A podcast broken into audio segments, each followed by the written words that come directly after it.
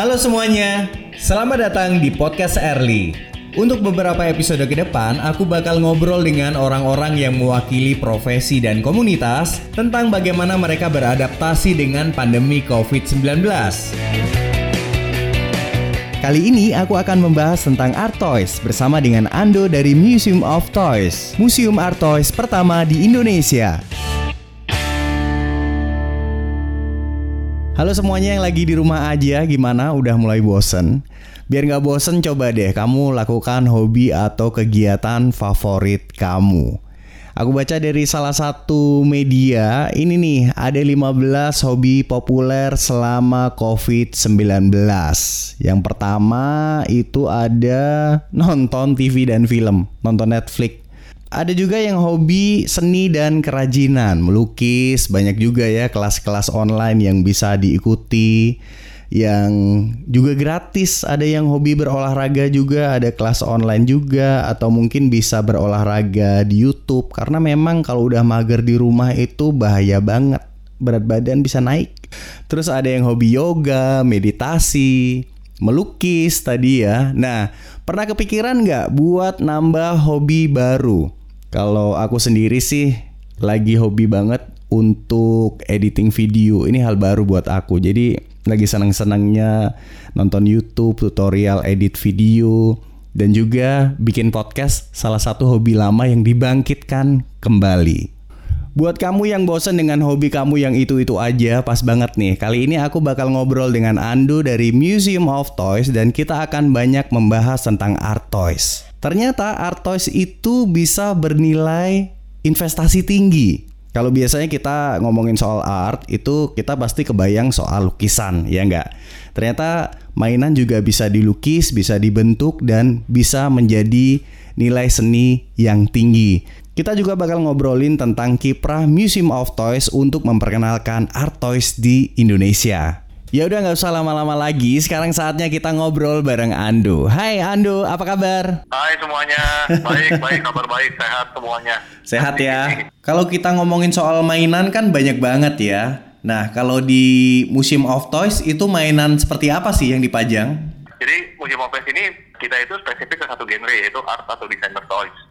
Nah kalau misalnya ngobrolin soal seni, art atau designer toys ya udah pasti ini maksudnya ini mainan-mainan kita itu dirancang sama teman-teman yang bergerak di seni atau bergerak di desain uh, dan mereka mm-hmm. menciptakan mainan sebagai salah satu platformnya. Kalau ngomongin soal mainan kan orang mainan yang biasanya orang tahu itu kayak Doraemon atau Barbie, Hot Wheels.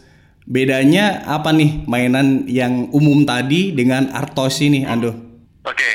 so ini ini ini berangkat sebenarnya tahun 98 ya. Ada satu seniman Hong Kong namanya Michael Lau gitu mm -hmm. ya dia berusaha untuk keluar dari pakem industri mainan gitu ya jadi misalnya kalau misalnya kita mau dulu nih zaman tahun 98 gitu ya belum ada tuh yang namanya artist atau desain toys misalnya gue pencinta seni gue pengen gue punya karakter terus gue pengen uh, bikin satu mainan sendiri nah itu kan berarti gue harus ke pabrik mainan tuh untuk bikin tuh nah dia itu waktu datang ke pabrik mainan uh, langsung tuh ketemu tuh sama klausal klausal sama pentiti biasanya begitu ya. Jadi kalau saya lu, lu mau bikin oke okay, minimal segini karena kita harus ciptain molding. Terus nanti abis itu harganya sekian gitu ceritanya. Nah untuk menjadi seorang desainer apa untuk menciptakan mainan tuh ternyata nggak nggak mudah. Susah banget gitu. Dan pabrik-pabrik gitu itu tuh mengharuskan kuantiti besar. Karena pada dasarnya ya pasti ya maksudnya ini kan hak untuk diperjualbelikan biasanya mainan tuh sampai akhirnya si Michael Lau ini aduh gua nggak bisa nih kayak gini nih Nah, gue coba ciptain satu movement lah, gue ciptain mainan gue sendiri gitu. Nah, Michael Lau ini kalau nggak salah mainannya yang bentuk kayak can gitu, spray can ya? Eh, uh, ya. Nah, akhirnya di tahun 99 dia coba ada solo exhibition di Jepang. Jadi dia ada serangkaian mainannya dipajang, terus habis itu ada gambar-gambarnya jadi dipajang. Oh ternyata antusias publiknya luar biasa. Ternyata mainan pun bisa di, menjadi wadah dari seninya dia gitu. Jadi apa yang mau disampaikan itu sampai lewat wadah mainan. Semenjak itu, Artois itu berkembang sampai sekarang gitu. Jadi banyak sekali seniman-seniman yang mencurahkan. Sebenarnya nih, gue pengen ceritain ini loh, tapi lewat uh, platform tiga dimensi. Jadi ya dan mereka bilang ini sebagai art toys gitu ceritanya. Karena karena sebenarnya ini mengandung semuanya tuh harus ada ceritanya, ada penyampaian dari seorang artisnya sebenarnya. Itu loh. Bedanya sama yang lain, kalau misalnya kita ini bergeraknya seperti indie label, jadi kita ini tidak bernaung di satu label. Misalnya contoh ya, Iron Man kan Marvel itu taunya. Mm-mm. Uh, atau misalnya Superman DC gitu kan.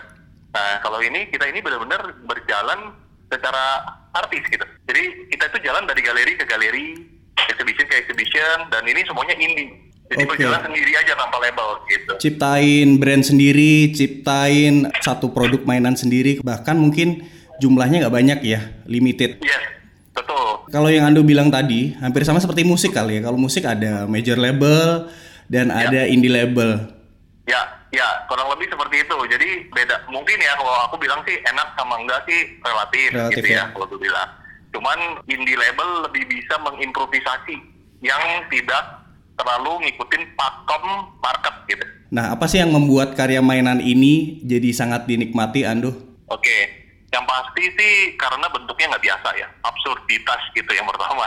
Yang kedua nilai collectibles-nya. Jadi karena memang diciptakannya sedikit, jadi nggak banyak orang yang punya dan itu menjadi suatu prestasi lah ya buat saya kalau saya bilangnya. Kalau misalnya bagi si kolektor gitu. Karena ini memang dihargain bukan seperti mainan. Contoh ya misalnya gini, Contoh saya gini. Dulu pasti semua orang tuh punya tuh mainan yang kayak Satria Baja Hitam. Gue juga punya ya? tuh. punya kan ya gitu yang badannya bisa dicopotin tuh dari pinggang ke bawah sampai pinggang ke atas Atau dijual Nah, terpisah mainin. tuh sabuknya dijual per- terpisah, pedangnya dijual terpisah.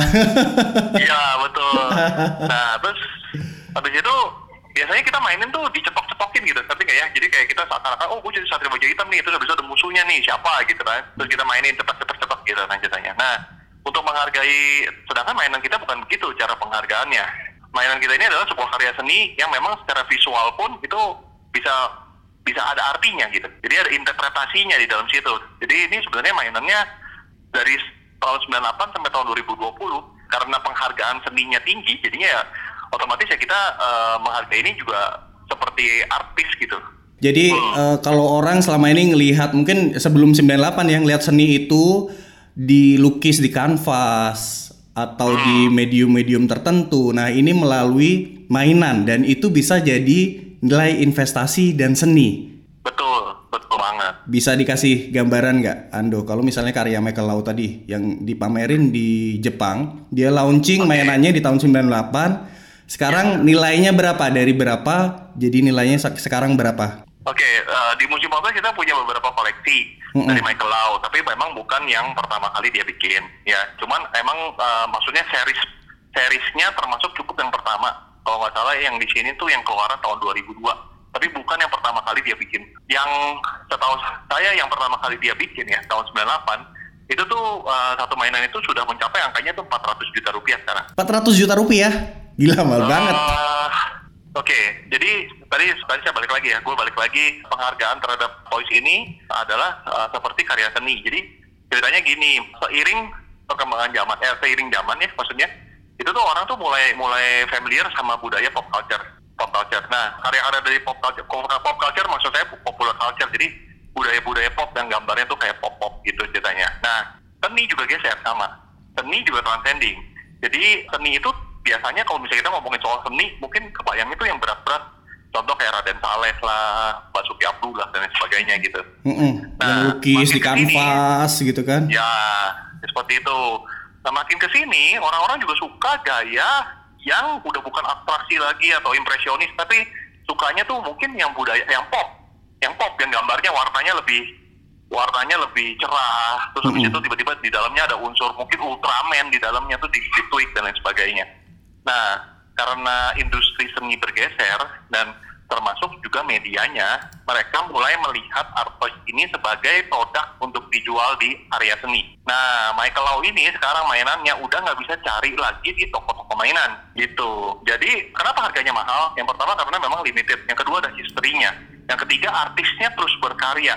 Artisnya terus membranding dirinya di dalam dunianya ya.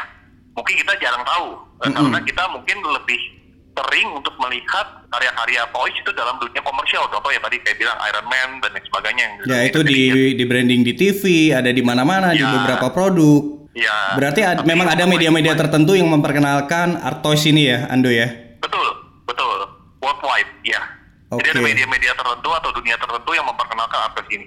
Oke, jadi sebenarnya yang bikin satu mainan itu jadi mahal, satu karena limited dan story dari balik karyanya dan juga story di balik siapa yang membuatnya. Ya, yang terakhir adalah marketing ya. Dan semakin banyak orang apresiasi, ya makin mahal harganya. Yang gue tahu sih Museum of Toys ini kan baru satu tahunan, kalau nggak salah di akhir Januari 2019 kan adanya. Betul. Nah, belum lama kan memperkenalkan Art Toys ini ke masyarakat Indonesia. Nah, gimana sih ketertarikan masyarakat Indonesia dengan Art Toys ini? Oke, jadi ya thank you lah. Maksudnya benar-benar kita tuh sebenarnya uh, 2018 akhir, jadi 2019 awal lah ya, waktu yang kita kita adanya terus saya saya ini kemarin itu kita itu berusaha untuk berkolaborasi. Jadi caranya untuk memperkenalkan Toys itu di Indonesia adalah dengan cara berkolaborasi. By the way, kita tuh pernah bikin toko sebenarnya tahun 2006 itu di Grand Indonesia. Jadi sebenarnya kita bukan orang baru di dunia toys. Waktu itu kita pernah sempat jualan. Tapi konsepnya bukan museum, konsepnya toko. Jadi dulu Classic Culture itu kita, kita uh, bu- bukan saya sih, tapi lebih ke partner saya Win. Nah Win juga punya partner namanya Josh. Mereka berdua bikin toko di Grand Indonesia. Nah, tahun 2013 kalau nggak salah itu uh, tutup tokonya dan tahun 2019 ini kita balik lagi nih ceritanya tapi konsepnya museum lebih ke edukatif edukasi gitu kendalanya adalah orang belum tahu yang namanya toys Mm-mm. tapi kita percaya sama art ini kita percaya sama segmen ini kita percaya secara visual uh, objek-objek ini tuh men-engaging orang untuk kayak manggil orang untuk ih nih keren banget ih nih uh, apa lucu banget gitu ceritanya Nah, sampai akhirnya kita uh, coba untuk berkolaborasi dengan teman-teman yang dari streetwear atau street culture lah kita bilangnya. Kayak misalnya shoes atau sepatu dan sebagainya. Nah, dimulai dari sana sih kita mulai memperkenalkan karena saya juga rasa gini ya, nggak bisa kalau misalnya kita jalannya sendirian. Maksudnya sendirian saya bikin bikin dunia sendiri dengan orang-orang sendiri itu kayak nggak bisa. Jadi saya pikir di Amerika sendiri tiap kali kompleks con itu pasti pamerannya art sama pameran sneakers tuh jadi satu gitu. Nah jadi sekarang kita mau mencoba itu di Jakarta di Indonesia. Dengan cara itu ya thanks untuk teman-teman juga yang di sneaker scene uh, help kita untuk apa namanya bisa didengar lah. Cuma memang kendalanya adalah bikin mainan itu gak gampang. Jadi banyak orang yang apa namanya mau untuk memiliki tapi belum terlalu banyak yang mau untuk membuat. Gitu. Sulitnya Jadi, itu nah, ya. kita masih banyak. Yang pertama kesulitannya memperkenalkan art toys itu apa, tapi kemudian untuk bikin ini lebih luas lagi, sebagian orang masih susah untuk bikin satu mainan gitu ya. Tapi Ya, dengan adanya Museum of Toys ini kan bisa ada edukasi baru, caranya gimana diajarin, produksinya gimana, industrinya gimana, bener nggak Ando? Betul. Jadi sebenarnya ini markas kita, geng kita kalau misalnya memang ada yang mau untuk eh, bikin gitu, misalnya dibilang, oh gue nggak bisa gambar, oke nggak apa-apa kok. Kalian nggak harus belajar, nggak harus bisa gambar untuk bikin mainan. Yang penting kalian punya imajinasi kan gitu. Karena Museum of Toys ini cukup cukup ganggu ya di tahun 2019 ya. Main ke Jakarta Sneaker Day ada Museum of Toys. Main ke Urban Iya. Sneaker Society ada Museum of Toys. Main ke mana ada Museum of Toys. Jadi orang Iya. jadi lebih familiar ya. Nah, bagaimana akhirnya Museum of Toys bisa ngeblend nih ke scene sneaker, kemudian di Art Jakarta, Art Moment, masuknya gimana tuh caranya? Nah ini thanks banget. Kamu rasa ya maksudnya dulu di Indonesia itu pada dasarnya prinsipnya memang bineka tunggal ika atau gotong royong ya, dua-dua aja tuh. Jadi kita tuh di welcome banget sama semua scene, di hampir semua scene. Bahkan yang terakhir ini saya ada bikin movement di tato artis.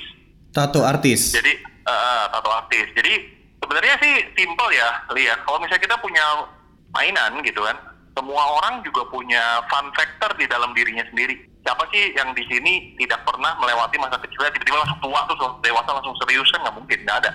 Semua makhluk hidup di dunia ini pasti ngelewatin yang namanya masa kecilnya. Semua makhluk hidup di dunia ini pasti main gitu ceritanya. Nah, jadi yang kita engage adalah sebenarnya yuk kita ajak mereka bermain dengan cara berkarya melalui wadah. Nah, kita bikinin wadahnya gitu. Nah, dari spirit itulah kita bisa masuk ke berbagai scene gitu ceritanya. Oh jadi sebenarnya mainan ini nggak nggak melulu soal satu karakter atau hal yang monoton tapi bisa masuk ke mana-mana ya bahkan ke sneaker mungkin bisa dijadiin satu mainan dan itu bisa jadi produk. Betul.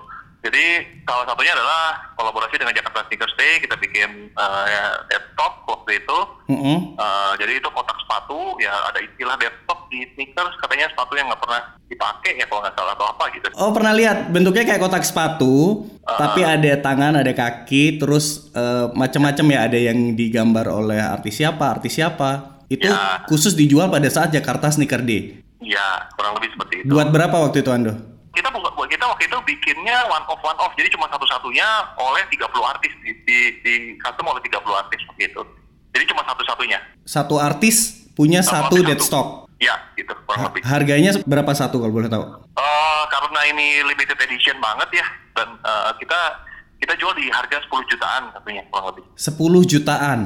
ya Oke, dan itu udah sold out. Eh, masih ada beberapa tapi ini hampir sebagian besar sih udah habis udah nggak ada sekarang eh, yang yang masih ada sisa itu ada di Grab E di Grab E di Lipo Puri.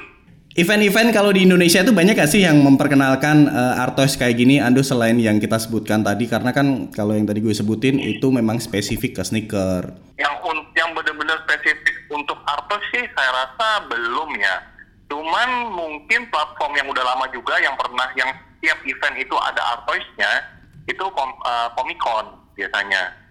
Cuman yang untuk spesifik ini semuanya artois gitu belum sih belum ada sih Oke, jadi nanti pastinya Museum of Toys punya cita-cita buat ini dong. bikin event sendiri ya Bikin event sendiri.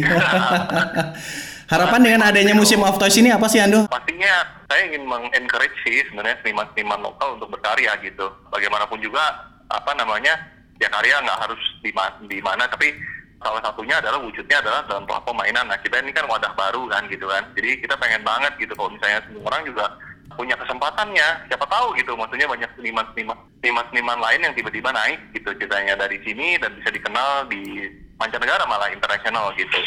Jadi sebenarnya kita memang misinya kita adalah memperkenalkan budaya Indonesia, artis Indonesia, mainan Indonesia, dan Mm-mm. kancah internasional. Soalnya kalau ngomongin soal industri mainan di Indonesia, kalau yang komersial ya, ternyata gue pernah baca tuh, kalau 6 dari 10 boneka Barbie yang ada di dunia itu diproduksi di Indonesia. Dan pabrik Hot Wheels itu ternyata yang paling gede itu ada di Indonesia. Ya, ya. Artinya, industri ini memang punya chance untuk bisa lebih berkembang lagi apalagi dengan adanya seniman-seniman yang diakomodir oleh Museum of Toys untuk dimunculkan di kancah internasional. Salah satunya boleh disebutkan nggak Andus? Sekarang yang lagi diajak dan diperkenalkan di kancah internasional. Yang pasti ya seniman kita yang in-house itu Abel Oktovan. Jadi Abel ini kalau setiap kali dia launching di Singapura, Hong Kong, Jepang, Mm-mm. Taiwan, itu pasti sold out within minute. Within minutes sold out pasti. Kalau misalnya dia jualan mainannya dia ya gitu. Tapi Berapa pieces biasanya di launching? 300 300 pieces biasanya. 300 300 pieces. Iya. Harganya Harganya, nah kemarin retail waktu kita kerja sama Mighty Jacks di Singapura itu retailnya kurang lebih harganya 279 USD.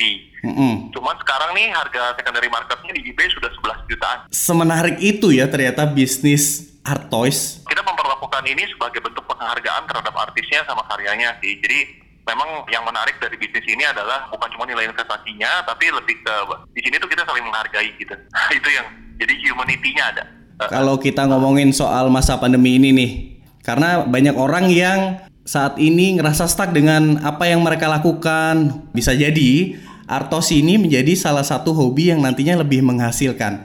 Jadi kalau misalnya mau jadi art toys designer nih, Ando, apa sih kriterianya biasanya? Ataukah dia harus pintar ngelukis atau dia punya imajinasi yang tinggi? Kalau Ando sendiri juga termasuk salah satu desainer, Ando. ini juga pertanyaan yang sering banget ditanyain orang gitu ya. Saya bukannya art designer, eh, saya bukannya toys designer, tapi saya ini eh, event maker untuk toys. Jadi konsep-konsep untuk toys event itu biasanya dari saya. Jadi gimana caranya kita bisa mengelaborasiin dari satu objek visual ini menjadi lebih gede gitu gongnya, resonansinya gitu. Tapi apakah saya pernah coba untuk bikin? Pernah. Apakah punya karakter uh, untuk per- pernah bikin toysnya pernah juga gitu. Yang menariknya sih sebenarnya kalau misalnya tadi Erwin nanya mulainya gimana nih gitu ataukah harus ada kriteria tertentu nggak untuk mulai gitu ya? Iya, mulainya gimana sih kalau mau jadi desainer toys ini? Itu mulainya harus punya mainan dulu sih di rumah. Punya satu mainan Bener minimal. sih, dengan Betul punya mainan, sering baca tentang mainan, jadi punya inspirasi untuk buat gitu ya. Iya, dan syarat kedua ketiganya adalah mulai untuk bikin. Jadi eh, saya percaya banget gitu, maksudnya saya nggak bisa gambar sih by the way. Tapi kalau misalnya untuk nge-sculpt gitu, bentuk gitu, ya saya pernah bikin monyet-monyetan gitu ceritanya. Mm-mm. Ya bisa gitu, tanpa saya harus menggambar. Tapi ada sebuah bentuk yang mungkin saya ingat-ingat terus di kepala saya. Ya which is yang maksudnya yang paling sering saya lihat tuh Curious George. Jadi saya saya ternyata membuat karakter tuh terimajinasi dari film yang saya suka gitu kemarin. Jadi yang ada di kepala saya itu. Nah mulai untuk bikin mulai untuk bikin dari clay dari apa bentuknya pertama-lama jelek tapi lama-lama ya lumayan lama-lama jadi jadi bisa mirip gitu ceritanya. Nah jadi buat saya sih sesuatu itu ada proses dan buat saya juga sendiri eh, apa proses itu nggak pernah ngehianatin hasil lah kalau misalnya kita bilangnya. Jadi untuk memulai ya start aja langsung duit apa yang kamu suka dibikin lah diwujudkan gitu biasanya. Polisi ini adalah sebenarnya perwujudan dari apa yang kalian impikan menurut saya gitu. Karena sebenarnya nggak mesti menciptakan toysnya dari awal ya. Yang gue lihat sih di Museum of Toys ada beberapa mainan yang masih plain yang warna putih. Gitu kan itu dijual terus bisa di custom, terserah mau dilukis atau diapain. Dan itu kalau dijual kalau lo misalnya bagus gambarnya atau lo punya nama yang lumayan itu harganya lumayan juga ya. Ya, jadi tadi dibilang, kalau misalnya kalian nggak bisa gambar, tapi kalian mau bikin toys, gambarlah di toys kalian, bisa kan? Ya itu, nah kalau misalnya kalian nggak bisa bikin clay, eh, tapi kalian mau untuk jadi desainer toys, belilah sebuah mainan, modifikasi lah gitu ceritanya. Terserah kalian mau tempel-tempelin, eh, mungkin eh, apa benda kesukaan kalian, pin lah, stiker lah, dan lain sebagainya. Tapi wujudkanlah mimpi kalian itu di dalam suatu objek gitu. Nah itu startnya dari situ. Jadi nggak perlu harus bisa gambar. Kalian bisa beli mainan kita nih, misalnya Museum of yang ada ada yang namanya blank canvas, Daruchan namanya. Daruchan ini kemarin kita sebar ke ada ada kali 80 kali artisnya kurang lebih. Oke. Termasuk salah satunya adalah anak-anak eh, yang menurut saya, saya nggak- ingin bedain ya, maksudnya eh, anak-anak yang spesial atau berkebutuhan khusus atau itu, mereka semua sama. Dan kemarin saya ada kasih ke beberapa teman-teman yang autis, dinyatakan sama society itu autis lah ya. Tapi mereka menurut saya mereka sama aja sama kita. Dan benar, hasilnya itu luar biasa. Hasilnya itu bahkan gue nggak bisa lah bikin begitu gitu. gue nggak bisa gitu. Malah jadi keren ya. Badut, jadi keren sekali gitu. Jadi dari keren blank canvas dimodifikasi oleh anak-anak berkebutuhan khusus tersebut, hasilnya jadi oke banget. Terus akhirnya itu dijual Ando. hasil dari kolaborasi apa hasil dari hasil dari Daruchan yang memang kita apa eh, custom gitu dari artis itu harganya varian loh jadi misalnya kalian memang oh gue lagi PSBB gini gue udah bingung lah naik sepeda sekarang juga makin covid makin banyak. Terus habis itu foto-foto OTD udah garing nih gue udah gak, gak ketemu spot yang lain yang bagus. Mm-mm. nah kalian bisa nyiptain satu objek bi- bisa beli darucannya kalian custom dan nanti bisa jadi sebuah mainan yang baru kan? Nah itu tuh range harganya juga kemarin cukup amazing ya maksudnya. Ada yang mau jual 2 juta laku. Ada yang jual 10 juta laku juga. 10 juta laku juga. Ando, eh, selain kegiatan kreatif tadi dengan anak-anak berkebutuhan khusus, apa aja sih yang dilakukan Museum of Toys di masa pandemi ini untuk lebih membantu lagi seniman-seniman Indonesia atau lebih memperkenalkan lagi art toys? Oke, kita lagi fokus ke konten online. Walaupun kita nggak jualan di online, tapi Mhm. kita coba untuk bikin sesuatu yang atraktif di online. Entah itu foto atau videografi, eh, tapi kita mau coba posting banyak sekali di online. Yang kedua, eh, karena kita menolak untuk menyerah sih sebenarnya. Kita walaupun keadaannya sulit ya sekarang, tapi kita benar-benar nggak mau untuk menyerah gitu. Jadi kita berusaha banget untuk kembangin kreativitas kita sampai level yang maksimum. Yang kedua, kita bikin statue yang gede-gede. Jadi kita bikin mainan, tapi versinya bukan yang cilik-cilik gitu ya, bukan yang 10, 20 cm gitu. Tapi kita bikin yang 1,2 meter, 1,8 meter gitu. Kayak Gede-gede. Dan ini adalah sebenarnya project dari tahun lalu, tapi nggak bisa launching. Jadi akhirnya kita tampung dulu semuanya. Nah, yang ketiga adalah kita juga lagi mau launching mainan-mainan baru. Hasil kolaborasi dengan seniman-seniman yang sekarang juga, itu seniman juga ya industri seni juga lagi terpuruk ya pastinya gitu kan. Jadi ya kita coba untuk berkolaborasi terus. Siapa tahu dari sisi toys, karena toys itu tidak semahal lukisan lah ya kita bilangnya gitu atau mungkin yang emerging gitu ya. Jadi orang yang suka gitu misalnya sama ya let's say sebutlah satu artis saya Andy Warhol. Lukisan Andy Warhol misalnya 200 miliar harganya. Tentu gue nggak bisa beli nih mahal banget apalagi di PSBB tapi gue suka gitu ceritanya. Nah kita bikin affordable art lewat toys. Harganya cuma satu juta dua juta gitu waktu awal PSBB kita ada launching uh, satu mainan itu udah sold udah semuanya udah habis. Nah ini kita lagi mau launching yang kedua ketiga. Ini sekarang lagi numpukin untuk launching lagi. Justru dengan adanya pandemi ini semakin membuat tim Museum of Toys untuk berinovasi buat apa nih? Biar tetap eksis, ya. bener ya? Nah, betul, ada betul. tips nggak Ando buat teman-teman yang lagi dengerin apa sih yang bisa kita buat dengan satu mainan atau dengan art toys? Tips saya sih sebenarnya uh, jangan batasi diri kamu dengan uh, apa yang kamu pikirin gitu. Jadi uh, imagination is the limit tapi imagination is no limit sebenarnya jadi apa pun itu yang kalian bisa lakukanlah saat ini juga yang terbaik gitu jadi misalnya saya nggak bisa bikin mainan tapi saya suka mainan dan saya pengen ulas mainan ya kamu nggak harus bikin mainan. Kamu bisa bikin video mainan. Kamu bisa jadi youtuber mainan atau mungkin early bisa jadi podcast isinya mainan semua gitu. Kok bahas ini bahas itu gitu. Kalau suka marketing ya jadi marketing artis gitu kan bisa. Kalau yang suka bikin konsep ya sama kayak saya gitu. Ya udah kita bikin museum terus habis itu dengan event-eventnya gitu kan kita. Oke, kayaknya kalau ngobrolin soal mainan sama Ando dan teman-teman Museum of Toys memang nggak ada habisnya. Kita bahas lagi nanti Ando ya, gue akan main ke Museum of Toys dan kita akan ngobrol lebih panjang lagi. Thank you ya Ando atas waktunya. Thank you Erlil, thank you teman-teman yang udah dengerin. Kita setuju dengan pembatasan dan mengikuti aturan. Mereka yang bertahan adalah mereka yang menghadapi perubahan. Terima kasih ya udah dengerin podcast ini. Sampai ketemu di episode berikutnya.